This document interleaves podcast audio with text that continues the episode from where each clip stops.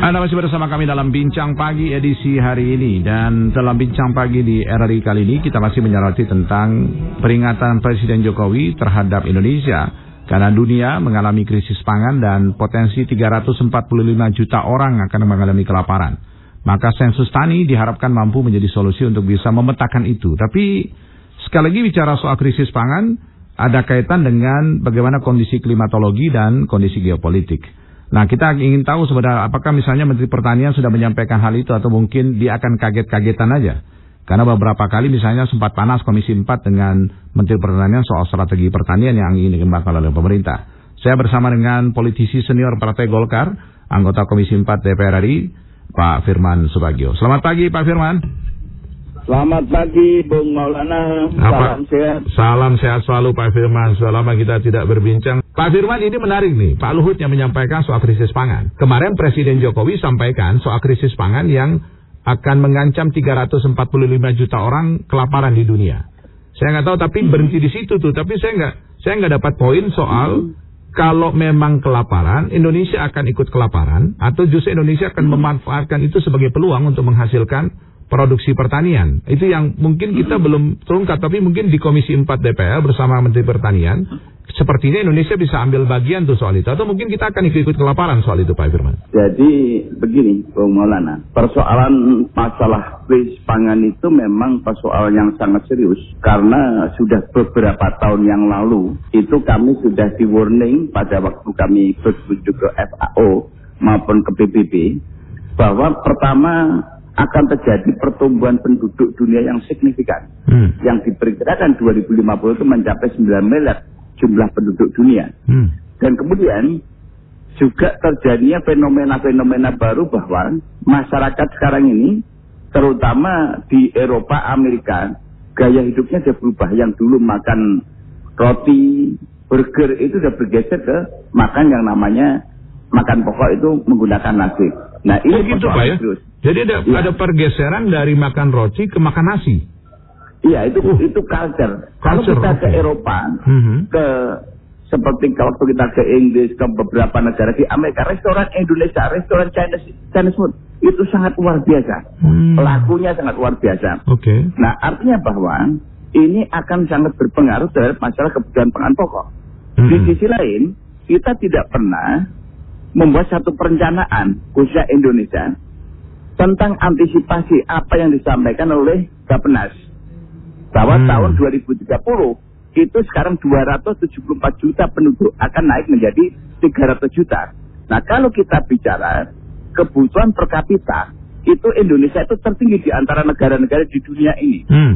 ASEAN itu hanya 69 kilo okay. per kapita. Hmm. Indonesia sudah diturunkan dari 140 114 itu pun masih dua kali lipat.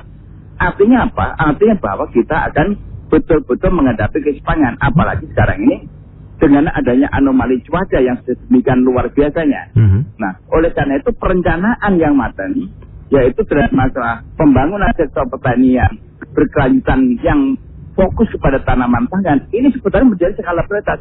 Hanya persoalannya adalah kenapa negara tidak berpihak kepada kepentingan itu. Kalau masa, kita lihat dari mas, postur, masa negara tidak berpihak kepada kepentingan padahal negara tahu bahwa ada ancaman besar dan itu serius. Betul. Kenapa saya katakan tidak berpihak? Kalau dilihat dari sisi perencanaannya, itu saya anggap tidak matang. So, kedua, kalau kita lihat dari sisi anggarannya, itu juga tidak signifikan. Hmm. Contohnya, Pak Jokowi dua tahun yang lalu sudah meng menginstruksikan harus segera meningkatkan produksi pangan nasional hmm. untuk mengantisipasi terhadap kemungkinan kerawanan pangan nasional. Tetapi apa yang terjadi? Sampai sekarang itu yang namanya pupuk saja, ya, hmm. pupuk saja itu subsidi Korea itu dikurangnya anggarannya. Artinya kan tidak sinkron okay. antara yang disampaikan Presiden dengan perencanaan di lapangan baik dari Kementerian Pertanian sendiri maupun juga dari yang namanya Kementerian Keuangan. Hmm. Nah inilah yang harus adanya kolaborasi, sinkronisasi antara Kementerian Lembaga satu dengan yang lain. Melihat urgensi daripada kebutuhan pangan nasional ini. Hmm. Nah ini yang yang yang selalu kami sampaikan. Oleh karena itu, kalau kita bicara tentang masalah Indonesia, sebetulnya Indonesia ini bisa melakukan berbagai variasi. Terhadap budidaya pangan. Oke. Okay. Kita harus membudayakan yaitu budidaya membudayakan budaya makanan lokal. Mm -hmm. Yang dulu terbiasa makan ubi, biar pakai ubi, yang biasa menggunakan sagu pakai sagu, okay. yang biasa makan jagung pakai jagung, tapi proteinnya itu ditingkatkan sehingga hmm. mutu gizi anak itu bisa terjaga. Nah, sekarang ini seperti singkong, mokap. Kita ini punya mokap yang produksinya luar biasa. Tapi okay. kenapa justru yang namanya produk mie itu kita masih impor gandum dari luar negeri. Hmm. Ketika di hadapan perang Ukraina, kita bingung sekarang ini. Betul. Atau jangan-jangan orang Inggris, orang Amerika, orang Prancis tadi makan makan beras karena mereka tahu bahwa uh, gandum udah mulai susah Pak dari Ukraina kan gitu. Embargo nah, terhadap antara, Eropa tutup antara, kan gitu ya. Antara seperti itu. Okay. Karena mereka sendiri seperti di Cina itu yang namanya mokap itu jadi pakai bahan bahan kebutuhan pangan pokok. Oh, Cina justru, justru Cina justru mulai beralih untuk menggunakan beberapa variasi lain untuk mengisi karbohidrat mereka, tidak bergantung pada beras. Ya, untuk untuk substitusi pangannya itu. Hmm. Nah, kenapa Indonesia tidak kami tidak melangkah? Padahal kita katanya punya BRIN, Badan Riset Nasional. Hmm. Oh ya, oh, riset itu mengarah ke situ. Okay. Nah, oleh karena itu Kementerian Pertanian, udahlah kalau kita bicara pandang pertanian, kalau bisa mereka itu mewujudkan terhadap swasembada pangan untuk menuju ke data mati itu sudah prestasi yang luar biasa. Tapi bukannya Kementerian Pertanian selalu bilang surplus beras, Pak? Itu kan justru ini yang menjadi pertanyaan kami. Oleh hmm. karena itu kami kemarin sedang membahas dengan BPS bagaimana metodologi dalam masalah penyusunan statistik yang ada di Kementerian Pertanian hmm. dengan BPS sehingga kita tidak pernah sinkron itu. Hmm. yang namanya produksi pangan nasional. Ini sedang kita kupas ini di undang-undang. Itu itu pun eh, nggak uh, nggak bisa terkatalis dengan Badan Pangan Nasional.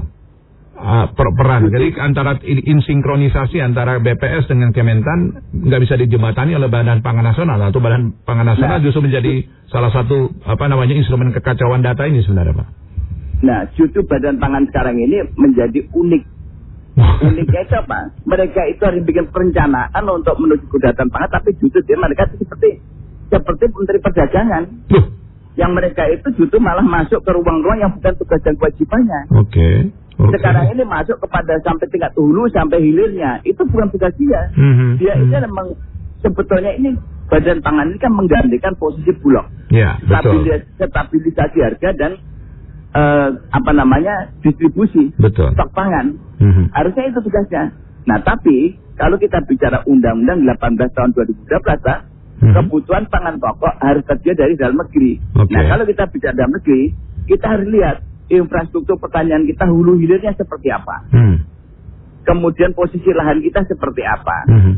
kemudian mekanisasi kita sebetulnya sederhana sekali. Kalau memang ada kemauan dan ada keberanian. Bung Maulana saya memberikan salah satu uh, apa ya pernyataan saya ini saya ini kan sebagai pelaku di DPR mm -hmm. 2009 dan saya sebagai saksi fakta. Mm -hmm. 2009 saya pimpinan Komisi 4 itu setiap tahun saya tanda tangan anggaran mm -hmm. itu sampai 9 triliun. 9 triliun. Ya, tetapi sekarang sudah sampai dua kali lipat bahkan tiga kali lipat sudah mencapai 20 triliun lebih. Mm -hmm itu yang namanya visi misi menuju ke apa namanya swasembada pangan untuk menuju kejahatan pangan itu tidak tercapai. Okay. Padahal anggarannya sudah berkali-kali lipat. Betul. Artinya apa? Ada mismanagement di kementerian itu. Di tidak kementerian, yang baik. di kementerian nanti alasannya karena data BPS nggak oke, okay, badan pangan juga nggak menjadi katalis, jadi alasan jadi anggaran nambah terus, tapi uh, strategi mengenai bagaimana membuat kita swasembada juga nggak tercapai itu Pak Firman sebetulnya kalau kita mau jujur saja, kenapa kalau memang data BPS tidak dijadikan rujukan, yang bikin data sendiri. Karena hmm. Kementerian Pertanian kan lebih paham yeah. tentang apa yang dilakukan, apa yang dikerjakan. Sebetulnya kalau kita mau menuju swasembada pangan kan sederhana. Okay. Berapa wilayah total lahan pertanian yang produktif? Berapa luas lahan pertanian yang yang yang ada irigasi teknisnya, hmm. bagaimana kesuburan lahan itu, bagaimana infrastruktur itu kalau diinventarisir secara hmm. menyeluruh baru dirumuskan. Oh yang unsur haranya ini dibagi persen, pupuknya menggunakan tapi, apa? Tapi ini menarik Pak Firman. Uh, publik berkomentar kita kita bicara nih. Publik bilang uh, ya. bukannya Bapak Presiden Jokowi itu pro pertanian dengan membangun banyak apa nih? Oh waduk Pak, waduk-waduk baru, pengairan baru. Tapi kok Kementerian Pertanian aja kayak nggak perform ya? Itu gimana pertanggung jawabannya? Nah, gitu gimana tuh Pak? Ya memang begini. Mengenai waduk ini saya berikan apresiasi kepada Pak Jokowi yang mereka beliau ini merespon kembali. Tapi kan tidak sesederhana itu karena memang waduk kita ini kan pertama mm-hmm. waduk dibangun kan itu harus ada irigasi yeah. primer, sekunder, tersier. Mm. Nah selama pemerintahan Orde Baru lengser, Pak Harto lengser, itu nyaris presiden siapa pun tidak menyentuh yang mana kebutuhan kepentingan petani tadi hmm. sehingga waduk itu, itu kenapa Pak ya saya bukan saya bukan apa tapi kita harus fair juga menilai misalnya Pak Harto kan ya. gitu ya kenapa Pak Harto ya. tahu betul misalnya bahwa ada kondisi eh, pertanian Indonesia yang akan menjadi uh, potensi luar biasa, kan gitu ya. Tapi kenapa setelah ya. reformasi kita melupakan pertanian, kan gitu Pak? Sebagai saksi sejarah, fakta hidup dan sebagainya, apa yang terjadi sebenarnya, Pak Firman? Ya kan begini, memang masalah pangan ini kan tidak lepas daripada intervensi asing. Oh, oke. Okay. Kalau kita melihat pidato-pidato Pak Harto yang lalu-lalu yang sekarang juga diupload di uh, TikTok maupun juga di hmm, YouTube. Di sosial media ya. Kan, sosial media. Mereka kan Pak kan sudah menyampaikan berkali-kali ditekan oleh yang namanya Bank. Hmm. Bangun pabrik pupuk saja dilarang. Yeah. Suruh beli. So kemudian semuanya harus import. Hmm. Pangan juga begitu. Nah oleh karena itu inilah yang dilawan oleh Pak Arto. Nah ketika lancarnya Pak Arto ini kan pemerintah ini kan mengikuti alurnya mereka. Hmm. Karena takut tidak populer. Yeah. Nah kalau Pak Anto dulu kan sistemnya kan sistem politiknya kan berbeda. Yeah. Dengan ada sistem politik yang berbeda ini mereka itu takut tidak populer. Okay. Karena tekanan aslinya demikian lupa intervensi ke dalam negeri ini berpengaruh kepada rakyat Indonesia. Hmm. Betul. Yang notabene juga banyak rakyat kita yang mereka itu mohon maaf bahasa kasarnya itu mereka masih yang melacurkan diri dengan NGO-NGO asing yang anti kemapanan Indonesia ini. Khususnya ini di sektor pertanian itu sih. Coba sekarang ini. Mm -hmm ada beberapa contoh produk-produk tertentu yang diatur dalam sebuah regulasi yang sebetulnya itu produktif untuk mendukung terhadap masalah peningkatan tenaga kerja, hmm. untuk mendukung terhadap kesejahteraan petani, okay. untuk mendukung terhadap penerimaan negara, itu pun dihapuskan semua, dibicarakan ya. dengan narkoba. Ini kan bahaya sekali. Betul, betul, betul. Oke, okay.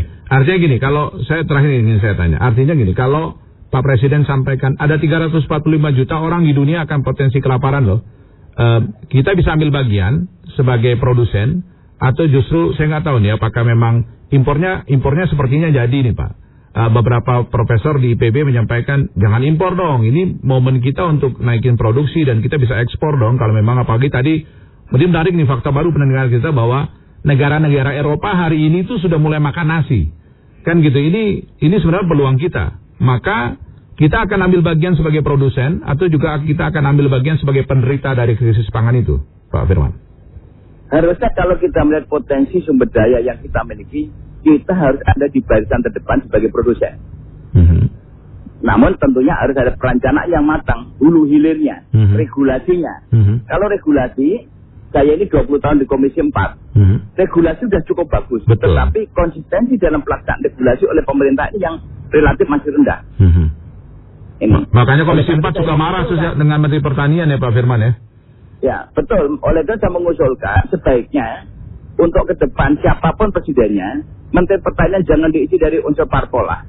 Ah, menarik tuh. Jadi, menarik tuh Pak. Jadi ya. saya terang aja sebagai orang politik tapi saya itu hal-hal yang berkaitan dengan itu itu itu, itu politisi yang fair menurut saya Pak. Jadi jadi ya, jangan ya uh, isi Menteri Pertanian dari partai politik. Ini yang ngomong orang parpol nih, senior partai. Malah jangan tidak mendukung kalau Menteri Pertanian dari parpol kan gitu ya Pak? Iya, karena harus diisi orang yang profesional yang membidangin yang betul-betul mereka ke depan melihat kepentingan bangsa. Saya setuju. Bukan kepentingan partai politiknya. Menarik nih. Ini politisi fair kayak gini nih, enak nih. Jadi nggak melulu bicara soal partainya, karena sekali lagi bahwa tetap NKRI itu di atas semuanya kan gitu ya Pak Firman ya? Iya bangsa di atas segalanya. Apa artinya hmm. kita akan berkuasa kalau rakyat kita kelaparan?